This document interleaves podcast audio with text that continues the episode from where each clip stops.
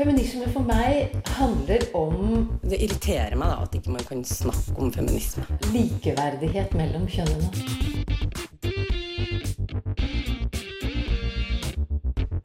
Det blikket på kvinnen på film. handlet det om å bli tatt på alvor som jente. Du hører på Et eget rom på Radio Nova.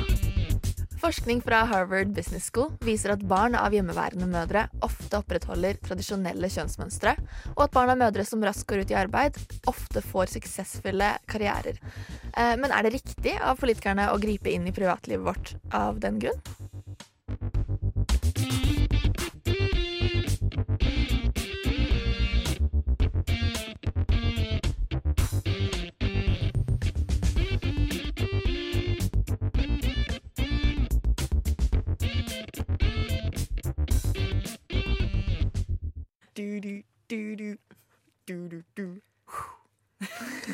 Ja. Det blir liksom ikke helt sending uten å danse til den Du, du, eh, du, eget du, du. rom-jinglen. Du, du, du. Ja, OK. Ja. Uh, hei! Du hører på et eget rom. Uh, Robin og jeg vi sitter i, um, i et bitte lite, trangt studio uten lys. Fordi så rutinerte er vi uh, at vi ikke fikk det vanlige studioet til å fungere. Nei, vi eh, sitter jo da også her på en søndag og spiller inn eh, på forhånd. Eh, jeg tenker at eh, unnskyldningen, unnskyldningen vår for det er for det første at jeg jobber og, og kan ikke være her live eh, mandag morgen, men også det at i morgen er valgdag. Ja, Så da er det jo noen som har fri, for eksempel. Vi burde jo egentlig bare faket det, og bare latt som det var derfor. Det er egentlig en statement fra oss om at eh, valgdagen skal være hellig. Ja, At man burde, alle burde ha fri på valgdagen. Ja, ikke minst fra feminismen. Nei da, stem feministisk. Ja. men vi sitter i hvert fall her på en eh, litt sånn overskyet eh, søndag morgen. Men jeg har lest på yr.no at det er faktisk akkurat like overskyet i morgen. Så dere også hører på på en overskyet dag. Uh, ja, det, Ja. Blir, det høres bra ut. Da, da blir det ikke noe sånn her uh, Dissonans. dissonans mellom oss. Nei, Nei, nettopp. Uh, nei, og det, men det er én grad kaldere da hos dere lyttere enn Mm. det er hos oss. Så det går raskt nedover nå, eller hva? Ja, det gjør det. Jeg merker det når jeg skal tidlig opp på jobb, og sånn, så da har jeg jo lyst til å kle på meg, liksom ta fram vinterparkasen omtrent. Men så er det jo sånn når du har hatt en litt varm sommer, så med en gang det blir under ti grader, så tenker man at ah, herregud, jeg må gå hi, dette orker jeg ikke.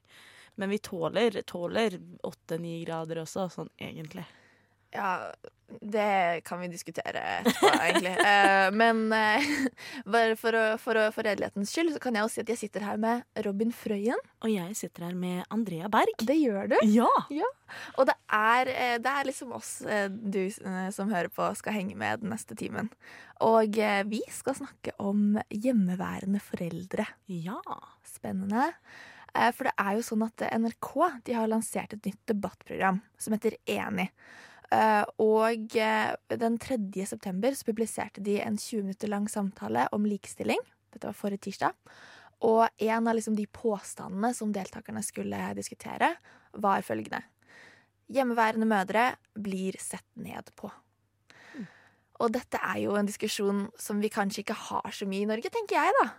Dette med liksom hjemmeværende mødre fordi det kanskje ikke føles som det er en ting som skjer. Nei, vi er jo såpass heldige, tenker jeg, at det er ikke en problematikk vi må ta stilling til som tvang på noen måte. Altså, vi sitter som regel med frihet til å kunne jobbe som vi vil, og passe på barn som vi vil, og har lang foreldrepermisjon i Norge, og det er jo helt strålende. Sånn at dette med å snakke om hjemmeværende foreldre er det, det er litt mindre av, føler jeg, enn for eksempel, jeg vet ikke, steder hvor man er mer begrensa. Ja, ikke sant? Og det, jeg tenker sånn, ja, vi snakker om, vi snakker om pappaperm, og vi snakker om kontantstøtte. Ja. Eh, og da kommer man jo litt inn på det, men det er liksom aldri noe sånn jeg, altså, Før denne enige debatten da, så kan ikke jeg huske å ha noen gang sett en debatt som går på liksom det grunnleggende spørsmålet om sånn er, Skal man være hjemme med barn eller ei? Og det tenker jeg sånn Der har hun kanskje et poeng, da, hun som mener at det er skam. Eh, fordi for meg så er det bare sånn Fins det noe mer 1853 enn å være liksom hjemmeværende mor? Ja, nei, men jeg har liksom vært litt borti jeg holdt på å si problematikken, jeg kanskje ikke å kalle det, men jeg har vært borti det spørsmålet før, om det er liksom innafor i 2019 å være hjemmeværende mor. Jeg tror det første var at jeg på Twitter for mange mange år siden, sånn typ syv-åtte år siden, så var det ei venninne på Twitter som skrev at hun øh, hadde lyst til å være hjemmeværende mor når hun ble voksen, men at hun sjelden turte å si det høyt. Og så ble det jo en diskusjon på det, for jeg merka jo også at jeg instinktivt, min første reaksjon var å tenke hæ, nei, hvorfor vil du det? Hvorfor vil du gå 150 år tilbake i tid, liksom? Hva, hva er hensikten med det? Uh, men så går det jo an å snu på det også, og tenke at hvis man har penger, og hvis man har tid, og hvis man har lyst, og har de privilegiene som ligger til rette for det, så hvorfor ikke være hjemme? Mm. Kunne, du, kunne, du, vært hjemme, tror du? Eh, jeg er jo ikke egentlig noe sånn jeg tror, jeg tror, ikke jeg kommer til å få barn, så det blir nok ikke et spørsmål jeg må forholde meg til, tror jeg. Eh, og så, hvis jeg får barn, så ser jeg jo for meg at da får jeg sikkert barn med kjæresten jeg har uh, nå. Forhåpentligvis, liksom hvis man bare ser for seg at det er det som skjer. Uh, og da er vi i et sånt forhold hvor jeg tror at han vil være like mye med den kiden som meg. Så da deler vi nok uh, greit på det ansvaret. Ja, sant. Det er koselig. Det er Sorry, nå har jeg tvunget deg til å si sånn Planlegge fremtiden din på Det går helt fint. Jeg føler at nå er jeg voksen, og så har jeg jobb. Så liksom det å planlegge fremtiden det er bare hverdagen min nå. Å oh, nei. Ja, altså dere lyttere der ute uh, må jo vite at Robin har fått seg 9 to 5-jobb. Det er helt sykt. Jeg leverte masteren min før sommeren, uh, og er nå voksen. Men ikke så voksen at jeg ikke er med i NOVA, altså. Det klarer nei, jeg ikke. Jeg må holde på, holde på studenttilværelsen litt lenger. Det er vi veldig for her i et eget rom. Det er veldig hyggelig å ja, høre. Ja. Men nei, så hun venninna mi på Twitter ja. eh, Vi endte jo opp med å diskutere dette med å være hjemmeværende mamma. Eh, og jeg endte vel egentlig opp med å skjønne at vi har kommet tilbake til det punktet hvor det å være hjemmeværende mamma er et faktisk reelt alternativ for folk, da.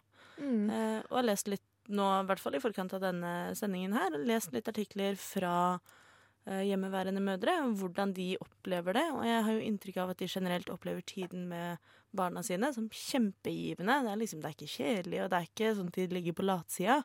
Men det er akkurat som du sier, da, at det ligger en sånn skam i det ofte. Ja, Og det skal vi snakke mye mer om, og også kanskje hva som har endret seg i samfunnet som har gjort det mer vanlig igjen. da. Ja. Eh, jeg tenker jo sånn eh, Min instinktive reaksjon er sånn Å, det høres jævlig digg ut å bare være hjemme i noen år. Eh, chille med noen barn, leke, bygge Lego. Elsker å bygge Lego. Bli eh, skikkelig flink til å enten liksom male eller drive med kunst. Ja, ja, ja, finne meg selv, ja, ja. ha en affære med en uh, keramiker, et eller annet sånt. Eat, pray, love. Ja.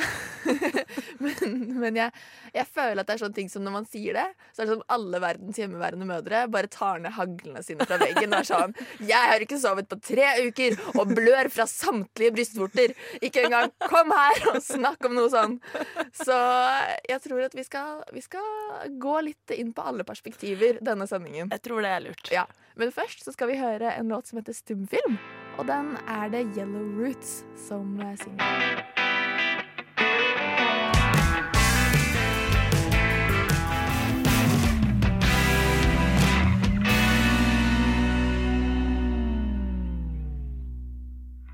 Det var uh, stumfilm du hørte der, uh, av Yellow Roots.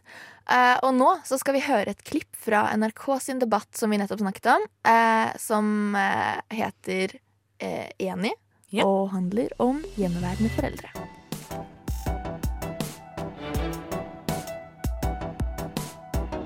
Hjemmeværende mødre blir sett ned på. Både òg. Jeg bare vil ikke rekke opp den hånda. Fordi at jeg vil ikke være enig i den påstanden. Men jeg tror nok at spesielt kvinner som velger å være hjemme, opplever det. Vi slutter med det.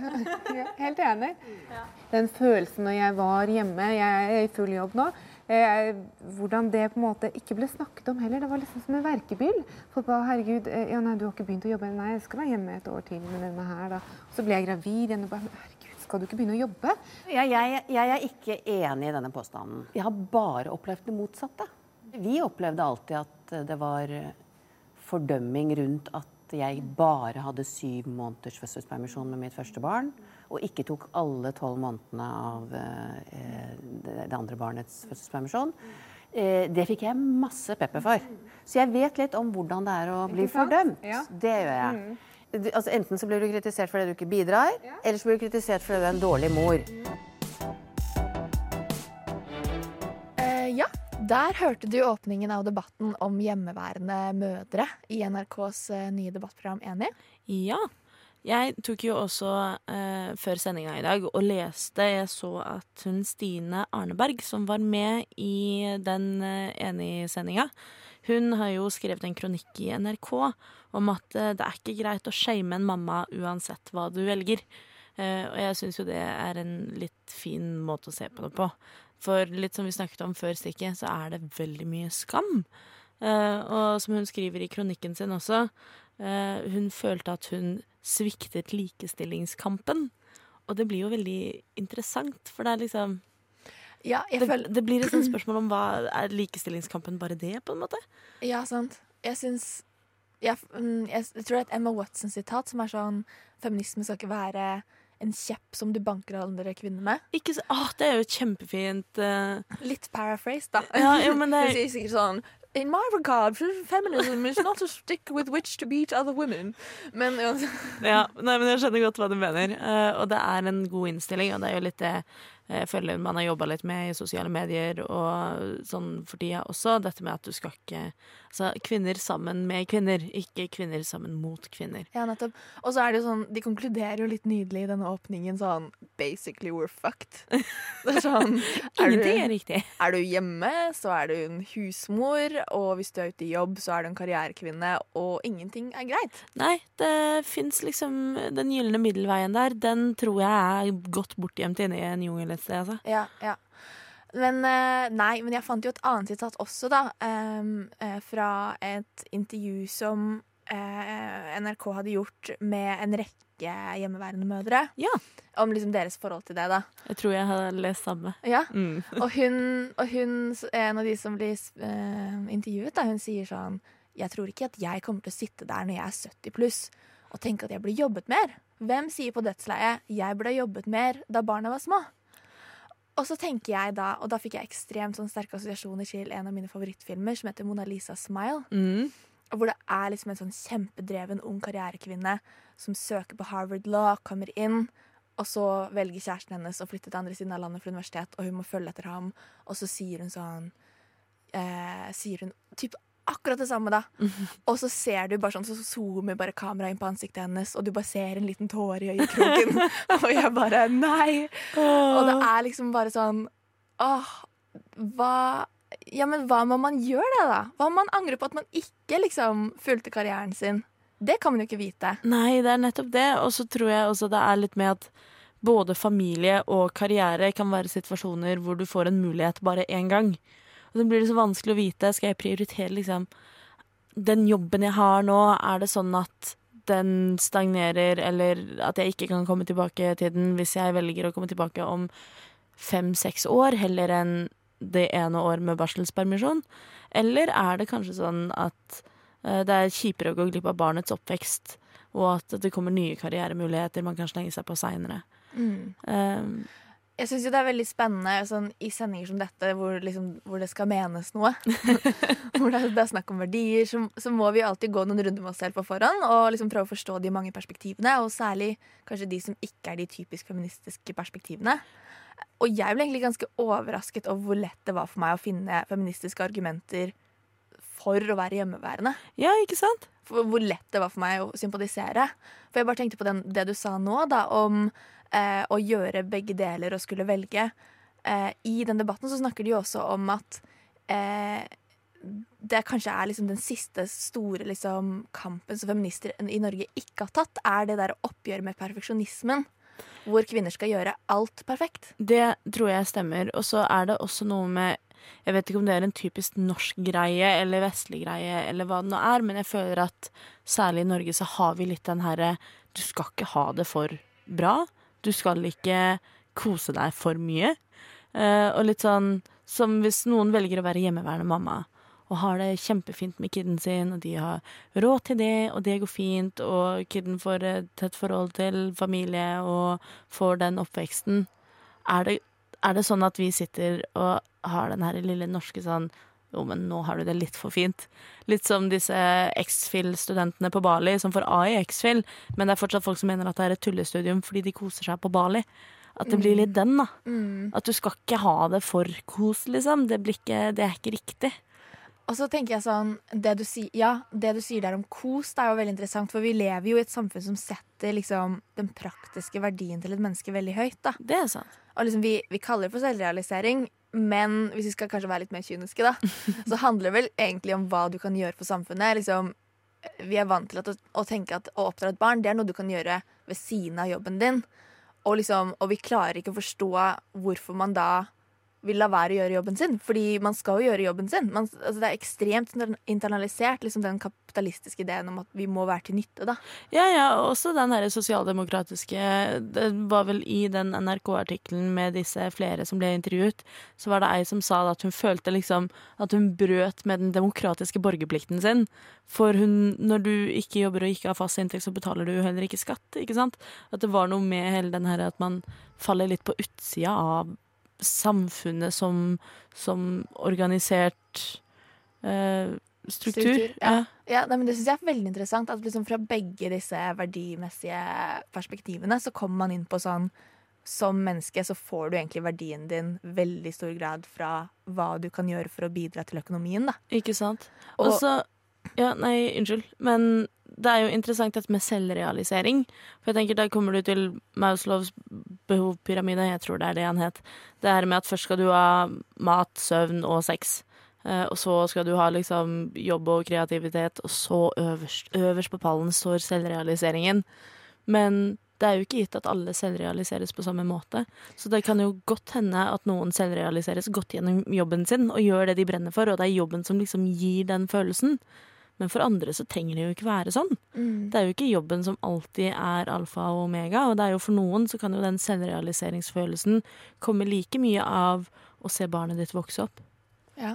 Men så tenker jeg litt på Så må vi gå inn på de problemene som fins. Og sånn som jeg nevnte i åpningen her, så eh, har jo forskning fra Harvard funnet at eh, Jeg tror de hadde sett på 50 000 hjemmeværende kvinner. ass. Ja. En enorm studie yes. eh, fra 2015. Eh, hvor de så på alle disse kvinnene, og på hva slags barn de oppdro. Ja. Eh, og selv om eh, i Norge, i hvert fall i Oslo, så er hjemmeværende kvinner i, Ja, dette er Oslo, ikke Norge. Så er hjemmeværende kvinner eh, stort sett veldig ressurssterke kvinner. Og de, de mest ressurssterke og de minst ressurssterke. Ja. Sånn at på en måte Ja, det skal vi snakke mer om. Eh, men i denne studien så var det liksom sånn De så fant man at det, den generelle trenden var at de var de mest tradisjonelle i samfunnet. Ja. Og at man også da videreførte tra tradisjonelle verdier til sine barn. At eh, guttene, guttebarna eh, ble dårligere til å hjelpe til hjemme, ta oppvasken, sånne type ting. Og jentebarna var mindre karriereorienterte. Mens de som hadde eh, working moms, eh, var liksom De fikk kjempegod karriere selv. Eh, liksom Fikk topplederposisjoner. Altså veldig, veldig stor forskjell, da. Jeg syns også det er veldig interessant, for det, det er veldig lett å snakke om hjemmeværende foreldre som en, sånn her, som en kam man gror alle hjemmeværende foreldre med. Men jeg tror det er viktig å liksom se på hvilke variasjoner som er innad i det også. Eh, selv om du er hjemme, går kiden din i barnehage? Eller er det sånn at sosialiseringa er det du som foreldre som organiserer, og derfor skal den bli en helt annen nei, sosialiseringserfaring for barnet? Eh, og så liksom risikerer man at man blir litt for overbeskyttende. At det blir veldig sånn at kiden blir litt en kopi av deg fordi den er rundt deg så mye. Mm, og veldig sånn helikopterforelder. Ja, at det blir litt sånn overstyrende. Jeg tenker på, jeg vokste jo opp på eh, vestkanten. Jeg pleier å si jeg bodde så langt vest at jeg kunne se Bærum fra huset mitt. um, og det var jo i min klasse, da, hvor alle bodde i sånn treetasjes villaer eh, og sånn, så var det jo liksom Ja, mennene, da. Var, jobbet i en eller annen bank som hadde investert pengene sine i Panama. Og tjente sinnssykt mye. Og damene var hjemme og bakte cupcakes og trente og så jævlig bra ut. Og jeg tror ikke de Mhm. spiste noen av de cupcakesene, Fordi da hadde de ikke sett sånn ut. Um, og jeg har alltid hatt veldig fordom mot de kvinnene og tenkt sånn OK, de har valgt Det er mennene som har valgt å være i jobb fordi de tjente best, og kvinnene på en måte har bare blitt i det fordi de syns det er digg liksom, å være hjemme. Men så Det som jo kanskje kommer frem litt i den NRK-debatten, da, er jo at det kanskje kan være veldig vanskelig å komme tilbake igjen etterpå eh, som kvinne. Ja, jeg også fikk litt inntrykk av gjennom de intervjuene og, og kronikkene jeg har bladd meg gjennom i forkant, at det var mange som ikke hadde planlagt å bli hjemmeværende mamma, men som etter barselspermisjonen merket at jeg er ikke klar for å gå tilbake til jobb, enten om det var av situasjonen i jobb, eller om det var den her mammafølelsen om at jeg har lyst til å prioritere å være hjemme. Eh, men jeg vet ikke om det er vanlig eller ikke, men jeg fikk i hvert fall inntrykk av at for noen av dem så var det jo på ingen måte planlagt. Eh, men det ble det som føltes riktig, og så tilrettela man når man hadde mulighet til det. Eh, tror jeg. Og det er jo, ja, men det er jo veldig forståelig da, at man, man har gått glipp av en ganske lang periode av arbeidet, og at det kan være vanskelig å komme tilbake igjen, og kanskje eh, ja, mer komfortabelt å bare ikke. eh, Mm, For noen, da. men, eh, men vi skal snakke mer om dette her, og vi skal snakke mer om hvordan det er for menn. Ja. For de også opplever jo, eh, ifølge denne debatten, eh, mye skam rundt å være hjemmeværende. Eh, eller dra vekk fra jobb. Og så kanskje veldig mye positivt ved å være hjemmeværende. Yeah. Interesting, interesting. Men først så skal vi høre på en sang som heter Josefine på ferie. Så jeg føler at det høres ut som et sånt dataspill som jeg spilte da jeg var Å oh, ja! Og Josefine! Ja! Josefine på ferie av Venner. Har du lyst til å dra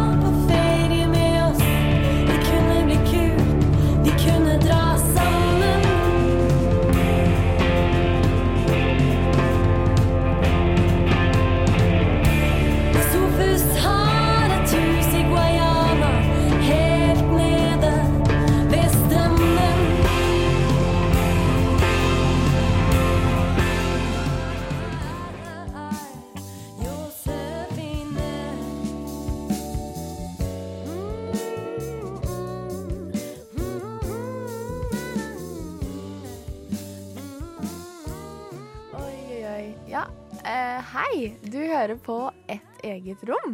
Og i dag så snakker vi om hjemmeværende foreldre. Ja. Mm. Og eh, nå skal vi snakke litt om menn. Eh, jeg føler at vi ofte sier det i et eget rom. Altså, når vi er et program som fokuserer på likestilling og kjønn og sånn, så må vi jo også snakke litt om menn. Ja, det er litt sånn the token man part. Ja. Ja. Eh, ikke man part sånn, men altså, ja. Den, Eh. den innkvoterte mannedelen av Ja, oi. programmet. Ja, der kom eh, litteraturlæreren inn. Um, men jo, eh, den svenske fotografen Johan eh, Bævman eh, Jeg tror det er sånn det skal uttales. Har de siste årene turnert 65 forskjellige land med utstillingen sin Swedish Dads. Oh. Ja, hvor han har fotografert svenske fedre på pappaperm i Sverige. Og disse bildene er helt fantastiske. De er gode bilder, liksom, eh, men også veldig, veldig eh, sjokkerende. Som i Oi, jeg er ikke vant til å se menn være pappa. Være forelder. Ja, ikke sant? Eh, det kan jo hende at det er litt ekstra sjokkerende for meg som har vokst opp med en alenemor. Eh, eh, det skal jeg faktisk innrømme. Men, eh, men jeg, det er liksom Det er for eksempel Mitt favorittbilde, tror jeg, er en mann som da har på seg en sånn babybjørn Nei, en sånn bæremeis Ja. med en liten kid oppi. Og så støvsuger han sånne legoklosser oh, i stua. Nydelig. Og bare hele leiligheten så er jeg bomba, liksom. Og jeg bare Det er så herlig. Og så er det sånn Og så skriver eh, skrev Washington Post en kommentar i, i, i dag, eller i går, for dere som hører på, um, hvor de var sånn Hvis det hadde vært kvinner, så hadde det vært totalt uinteressant. Det tror jeg de har helt rett i. Ja. Få, altså, for nå, jeg ga jo en litt sånn eh, forvirrende innledning i det forrige, forrige snakkedelen vår til dette stikket, hvor jeg var sånn Det suger å være hjemmeværende pappa, men det er også fantastisk. Um, og det er jo litt fordi at eh, det er veldig stor dissonans, virker det som, når vi leser hva hjemmeværende fedre forteller fra sine egne liv, Mm. mellom hvordan det tas imot på jobb, og hvordan det tas imot sosialt. Det tror jeg stemmer. Ja. Uh, og så er det jo noe med Vi har jo tidligere hatt sending om toxic masculinity, for eksempel, og kjønnskampen og litt sånn. Uh, og det er den her tanken om at uh, ekte mannemenn er ekte mannemacho. Uh, og den forestillingen om maskulinitet, i hvert fall den vi har nå, den kolliderer litt med den omsorgspappaen som man for da ser på Eller som vi får beskrevet på det bildet av han svenske fotografen. da. Og som også jeg tror er det hjemmeværende fedre ofte kan støte på også. Eh, Jeg så en YouTube-video før jeg kom i dag. For jeg, altså, når jeg kan se ting på YouTube, så velger jeg gjerne det heller enn å lese. um, men der var det sånn Questions not to ask uh, stay at home dad Oi. fra BBC. Mhm. Og det var også sånn typisk sånn ah, Men uh, hvor er mammaen hen? Eller Å, er du på babysitting duty i dag, du da? Uh, og liksom veldig den herre Hvis man går rundt med en kid, så han, da blir han straffa på en eller annen måte. Da er det noe kjipt. Eh, mens for disse hjemmeværende fedrene så var de sånn Dette er det beste jeg veit. Ja, sant. Og det Jeg har jo en eh, min, eh, Gudfaren min. Han har vært eh, hjemmeværende far. Eh, han har karrierekone som skulle til Guatemala og bli typ en eller annen viktig person innenfor bistand eller noe sånt. Eh, og skulle følge etter henne. Eh, og bare har sittet på en plen i Guatemala drukket kaffe i sånn tre år og bare chilla mens barna hans løp rundt.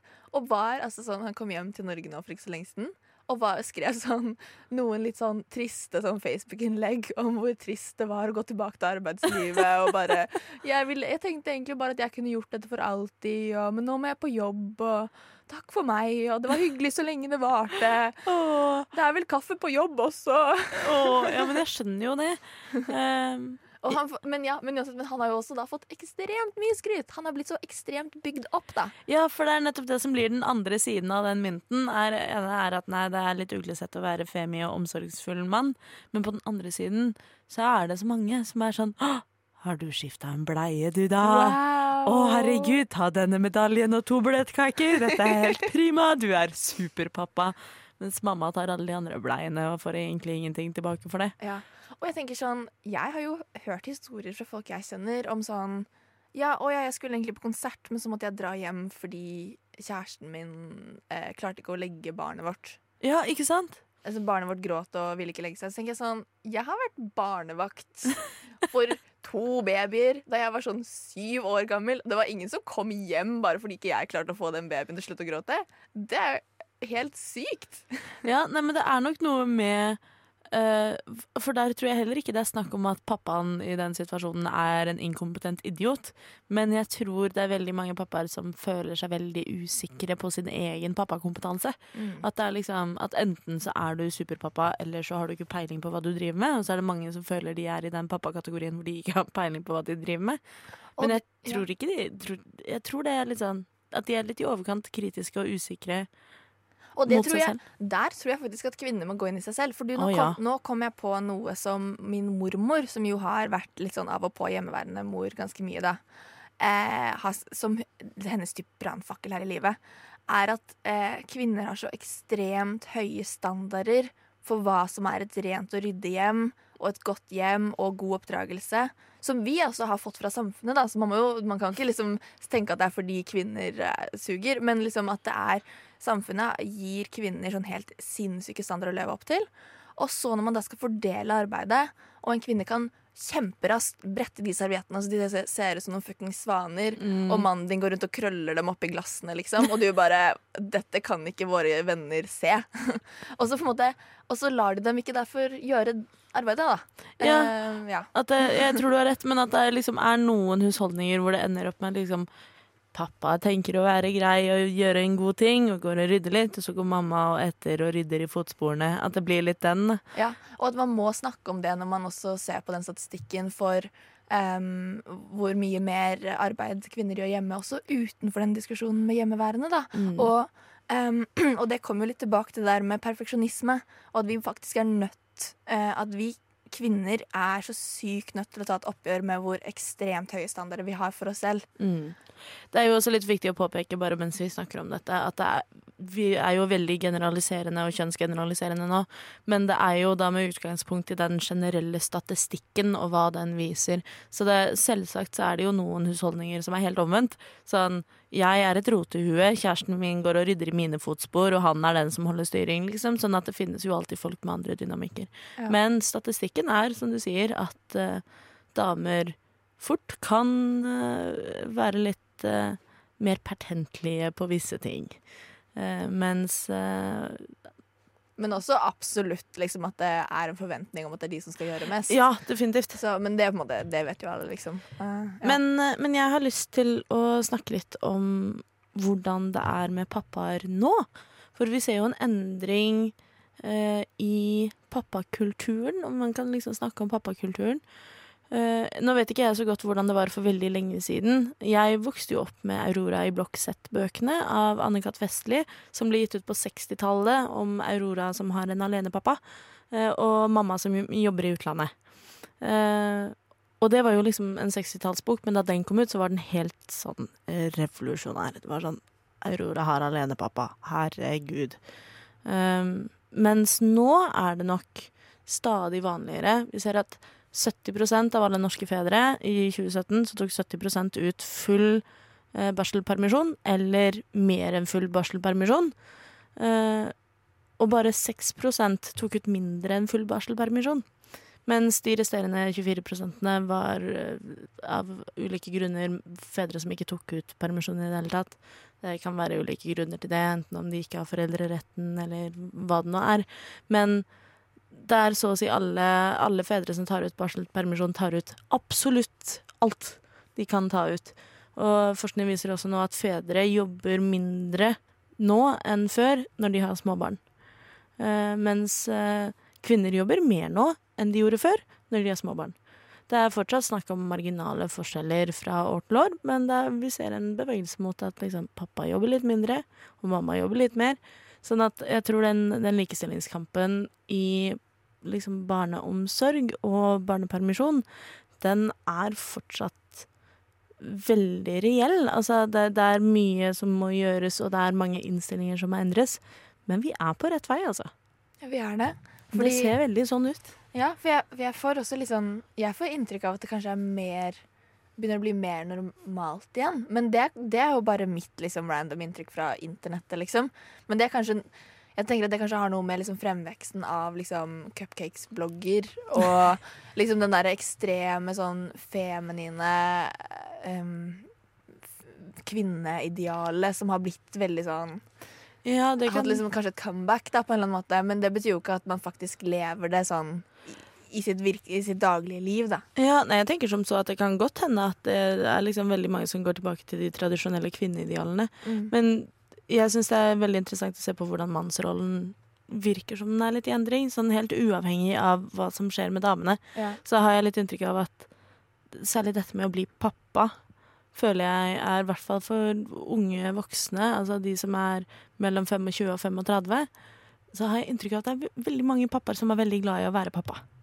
Eh, og som liksom tar seg tid og er sånn Er den som henter i barnehagen, og er den som må ringe uh, læreren hvis det har skjedd noe, og er den som liksom baker cupcakes. At det er litt vanligere nå enn det var før, da. Mm. Ja, det er superspennende. Det er jo kjempefint. Ja, vi har tro. Vi har tro. Ja. Og uh, mens vi tror, så skal vi høre på 'Swimming' av eh, Chico Sweat.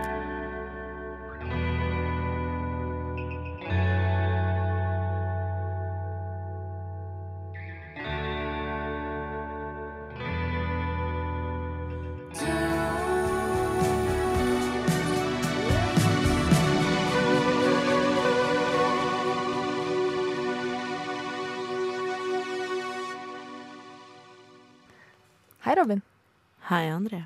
Vi eh, fortsetter, vi. Vi eh, holder på. Ja. Og eh, det går rett og slett ikke an å snakke om hjemmeværende foreldre uten å snakke om kontantstøtten. Jeg føler at det ble veldig sånn bam, bam, bam. men, men du har helt rett at det er vanskelig å snakke om, om hjemmeværende foreldre uten å snakke om kontantstøtten. Og så siden vi Jeg føler at vi hittil har snakket mest om hjemmeværende foreldre fra et veldig sånn privilegert vestlig ståsted. Uh, og det er jo uh, Vel og bra. vel og bra og helt fair, og også viktig å snakke om. Men kontantstøtten blir jo ofte trukket inn i en helt annen debatt. En veldig annen debatt. Um, mer på innvandrerkvinner uh, er jo kanskje liksom hovedgruppen som man snakker om. uh, med. Vi burde kanskje begynne med å definere kontantstøtten. Ja, har du lyst til å prøve deg, eller? Jeg prøver meg. Uh, det er en ytelse, ja, det vet jeg, som gis til foreldre og barna deres da, mellom ett og to år. Og fun fact, den, kom, den ble liksom vedtatt to måneder før jeg ble født. Oi! Oh yeah, Så 98. Eh, og så ble den utvidet til å være for barn som var to år eh, gamle. Og så, under da Ap-regjeringene fra eh, til Stoltenberg, mm. så har den blitt eh, stadig liksom innskrenkt igjen. Så nå gjelder den ikke lenger for to år. Um, og så får vi se om KrF får noe innflytelse og klarer å utvide den igjen, da. Eh, så for å si det veldig enkelt, så betyr det at hvis man søker kontantstøtte, så gir Nav deg penger når du har småbarn. Ja, sant. Vi burde kanskje, kanskje begynt der, egentlig ikke med sånn historisk Kontantstøtten for dummies. Ja. Mm. Og det er jo da et alternativ til barnehage. Eh, noen ganger eh, delvis alternativ til barnehage, noen ganger heltidsalternativ. Eh, noen ganger fordi man ikke har fått plass ennå, noen ganger fordi barnet ikke føler seg klart. Kanskje oftest fordi foreldren har, tenker at det er lurt å være hjemmeværende. Ja. Av en eller annen grunn. Uh, og det er jo ganske interessant. Uh, statistikken for Oslo i år, nei, i fjor, 2018, da fikk 44% av alle ettåringer i Oslo fikk kontantstøtte. Uh, og det er jo ganske mye. Det er jo nesten halvparten av alle kidsa i Oslo. Um, Ja, det syns jeg var et overraskende tall. ja, Men det, vel, det har vel også mye med at det, det er mange som mottar det delvis. Ja, det stemmer nok. Altså i tillegg til at De går delvis i barnehage, delvis hjemme. Ja. Um, men det som er interessant Altså, kontantstøtte er jo et veldig politisk spørsmål, og vi i et eget rom eh, er jo Prøver etter beste evne å være partipolitisk uavhengige. Men eh, Eller nøytrale. Eh, Uavhengige er vi uansett. Men det er jo ofte et politisk spørsmål. Et innvandrerpolitisk spørsmål. Og nå er det jo også sånn at kontantstøtten fikk en endring i fjor hvor det ble innført en ny regel om at for å søke kontantstøtte, så må du ha bodd i Norge i mer enn fem år. Ja. Og bare på det så så vi at i 2016 så ble 43% av all kontantstøtte gitt til barn med innvandrerbakgrunn, så nesten halvparten.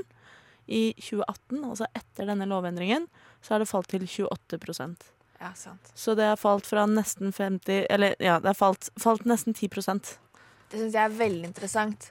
Uh, og jeg syns kanskje For det er jo et helt legitimt uh, Det, må- det syns jeg vi kan si at det er legitimt å stille spørsmål ved om det er greit å ha en ordning som gjør at kvinner blir hjemme, eh, som ikke har liksom lært seg ordentlig norsk ennå. De blir ikke integrert i samfunnet. Ikke? Går ikke ut i jobb.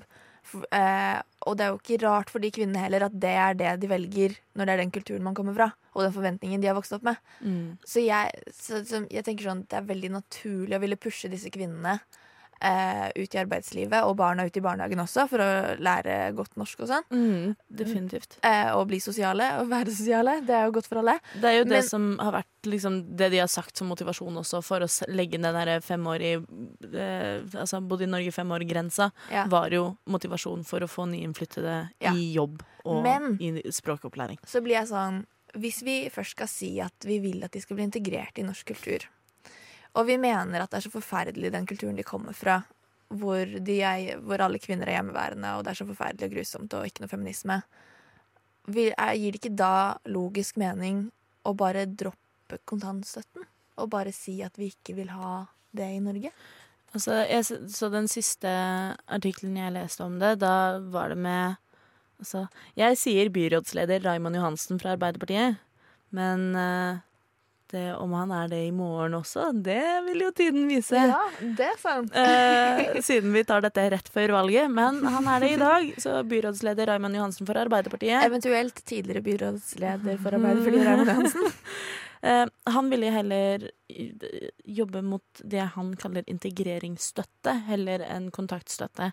Um, og med det mener han gratis barnehage, språktrening og arbeidstrening for foreldrene, og en mentorordning for familien, sier han.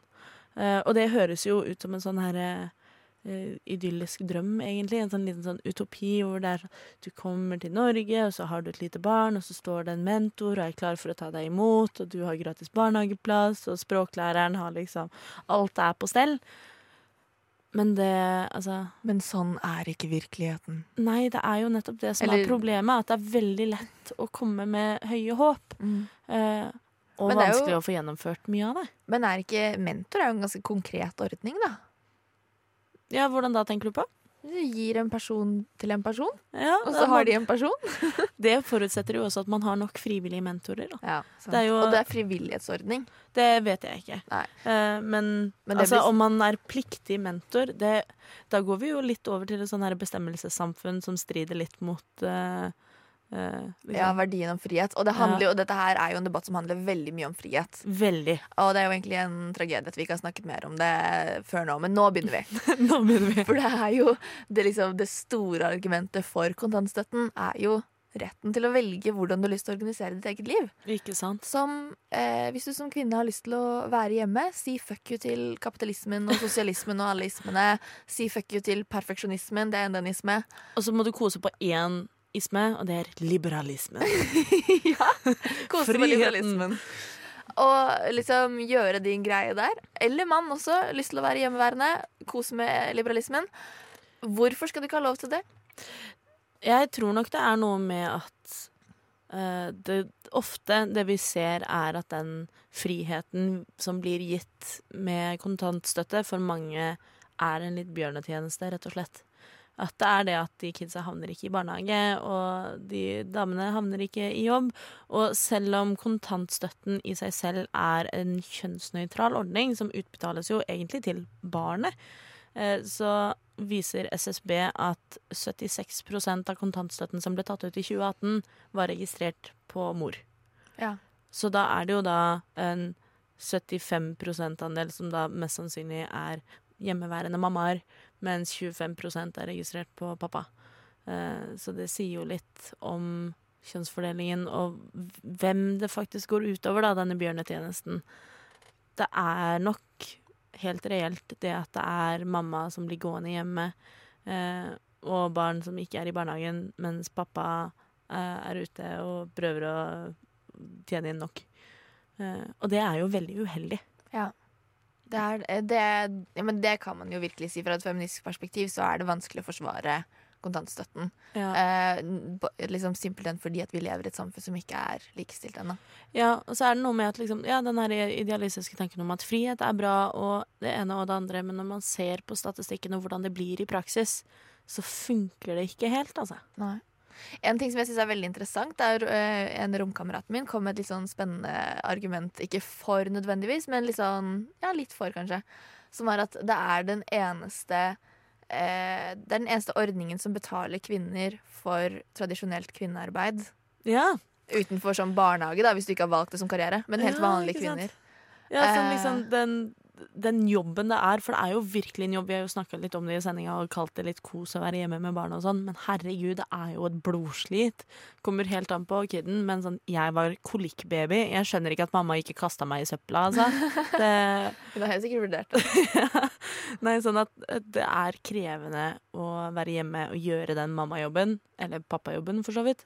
Og det er helt rett at kontantstøtte er jo den eneste som på en måte lønner det arbeidet. Men så må vi jo da legge til at det er jo i så fall ganske dårlig lønning, ass. Og det er under minstelønn. Det er eh, Jeg tror det er 87 000 i året. Ja, og det blir senket. Ja, så ja.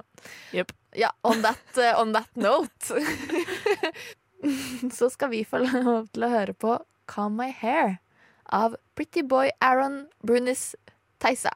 Tessia. Tisla.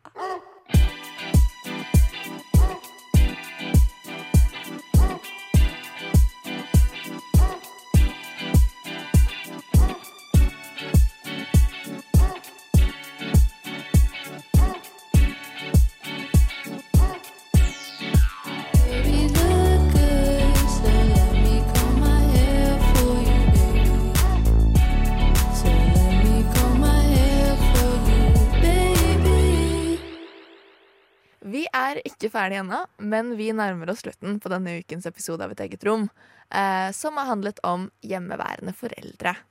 Eh, og som jeg alltid spør, hva er det mest overraskende vi har lært i dag, eh, Robin? Eh, Jeg, jeg sleit litt med å tenke Jeg vet liksom ikke om jeg har lært noe overraskende, men jeg har fått veldig mye ut av å sette meg inn i kontantstøtta og litt av tallene rundt det. Eh, For det har vært et sånt her stort sånn eh, nyhetsord, syns jeg, som bare har dukket opp uten at jeg egentlig helt veit hva det er for noe, og hvorfor det er bra, hvorfor det er dårlig. For jeg har også liksom vært instinktiv på den. Jo, men friheten til å velge og få penger og sånn, det er jo egentlig fint. Og så er det opp til hver enkelt å velge hva de gjør med den. Så i- overraskende, kanskje ikke veldig godt å føle at jeg sitter og faktisk vet hva det handler om. Vet du, Jeg ble faktisk ganske overrasket over hvor mange som mottok det. Ja. Nei, det også var nytt for meg. Mind-blowing. Mm. Men uh, jeg er helt enig. Det er liksom noen sånne begreper som bare sånn, Det er litt sånn som velferdsprofitør. Et ord som du har hørt så mye, og så er det sånn Betyr det noe, egentlig? Ikke sant? Nei da. Men, eh, men eh, vi skal straks få lov til å høre liksom, ukens feministiske nyheter. Og det er det Yes. du som har mekket denne uken, Robin. Oh, yeah. Men eh, før det så har jeg lyst til å bare nevne at eh, dette her er den siste sendingen vår før vi ønsker velkommen tre nye medlemmer. Og det blir så gøy! Og vi skal ikke si noe om hvem de er, for de skal få lov til å introdusere seg selv etter hvert. Eh, kanskje allerede neste uke. Vi får se. Spennende, spennende. Det blir veldig spennende. Ja, vi gleder oss. Men først ukens feministiske nyheter med Robin Frøyen. I like to joke about the man box, which is like you can only be a man if you fulfill these certain qualities and you stay within this square. Du hører på Et eget rom på Radio Nova. Some of the best feminists I know are men. Da avslutter jeg sendingen med fire aktuelle feministnyheter. Aller først vil vi gi en shout-out til NRK sin nye serie F-ordet, som nå ligger ute på NRK nett-TV.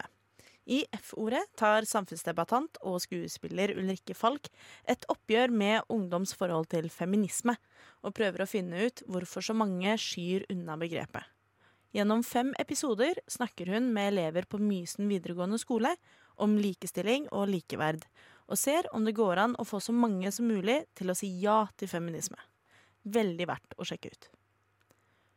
Og mens vi snakker om at ordet feminisme ofte blir uglesett, visste du at Siri heller ikke tør å bruke F-ordet? I en brennheit artikkel fra The Guardian ble det avslørt at Apples virtuelle assistent Siri er programmert til å aldri bruke ordet feminism, kun equality. Om du spør Siri om hun er feminist, vil hun svare at hun er for likestilling og at alle mennesker burde behandles likt, men assistenten vil ikke bruke F-ordet. Skjerpings, Apple!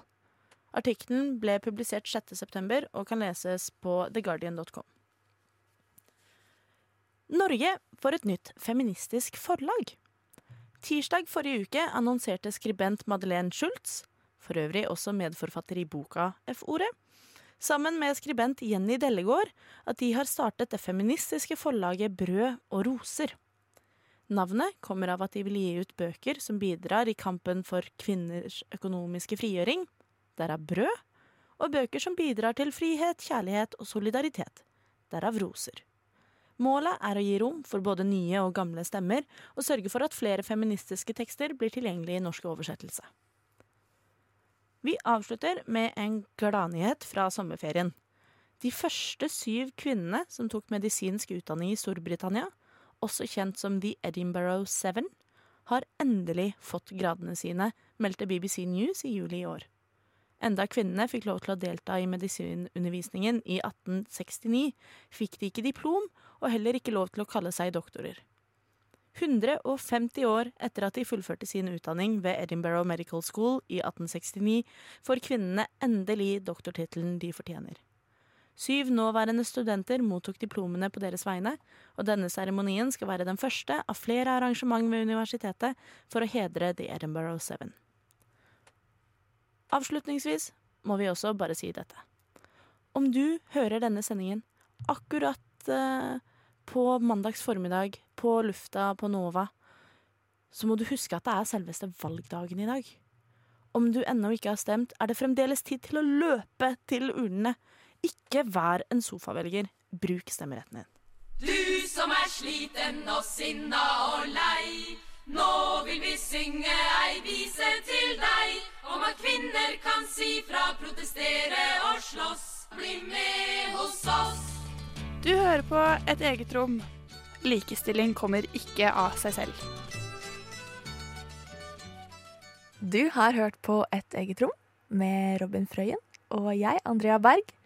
Vi har brukt lydklipp fra NRK. Og eh, vi takker deg for at du har fulgt oss denne timen. Og godt valg da, folkens. Og godt valg. Du har hørt en podkast fra Et eget rom på Radio Nova. Vil du høre mer? Sjekk ut Et eget rom på Facebook, Instagram eller radionova.no.